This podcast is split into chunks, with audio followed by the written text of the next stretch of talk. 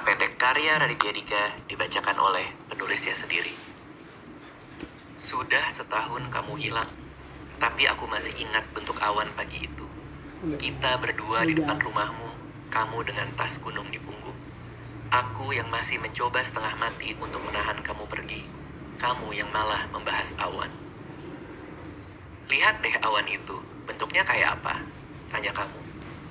Aku melihat ke arah langit biru, ke arah ujung telunjukmu. Aku jawab jujur, kayak gumpalan lemak. Enggak dong Momo, katamu.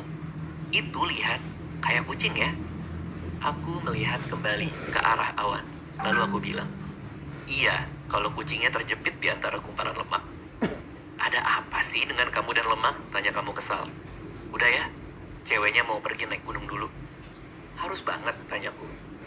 Aku kan udah bilang dari minggu yang lalu, dia tersenyum. Jangan kangen-kangen amat ya. Yes, kita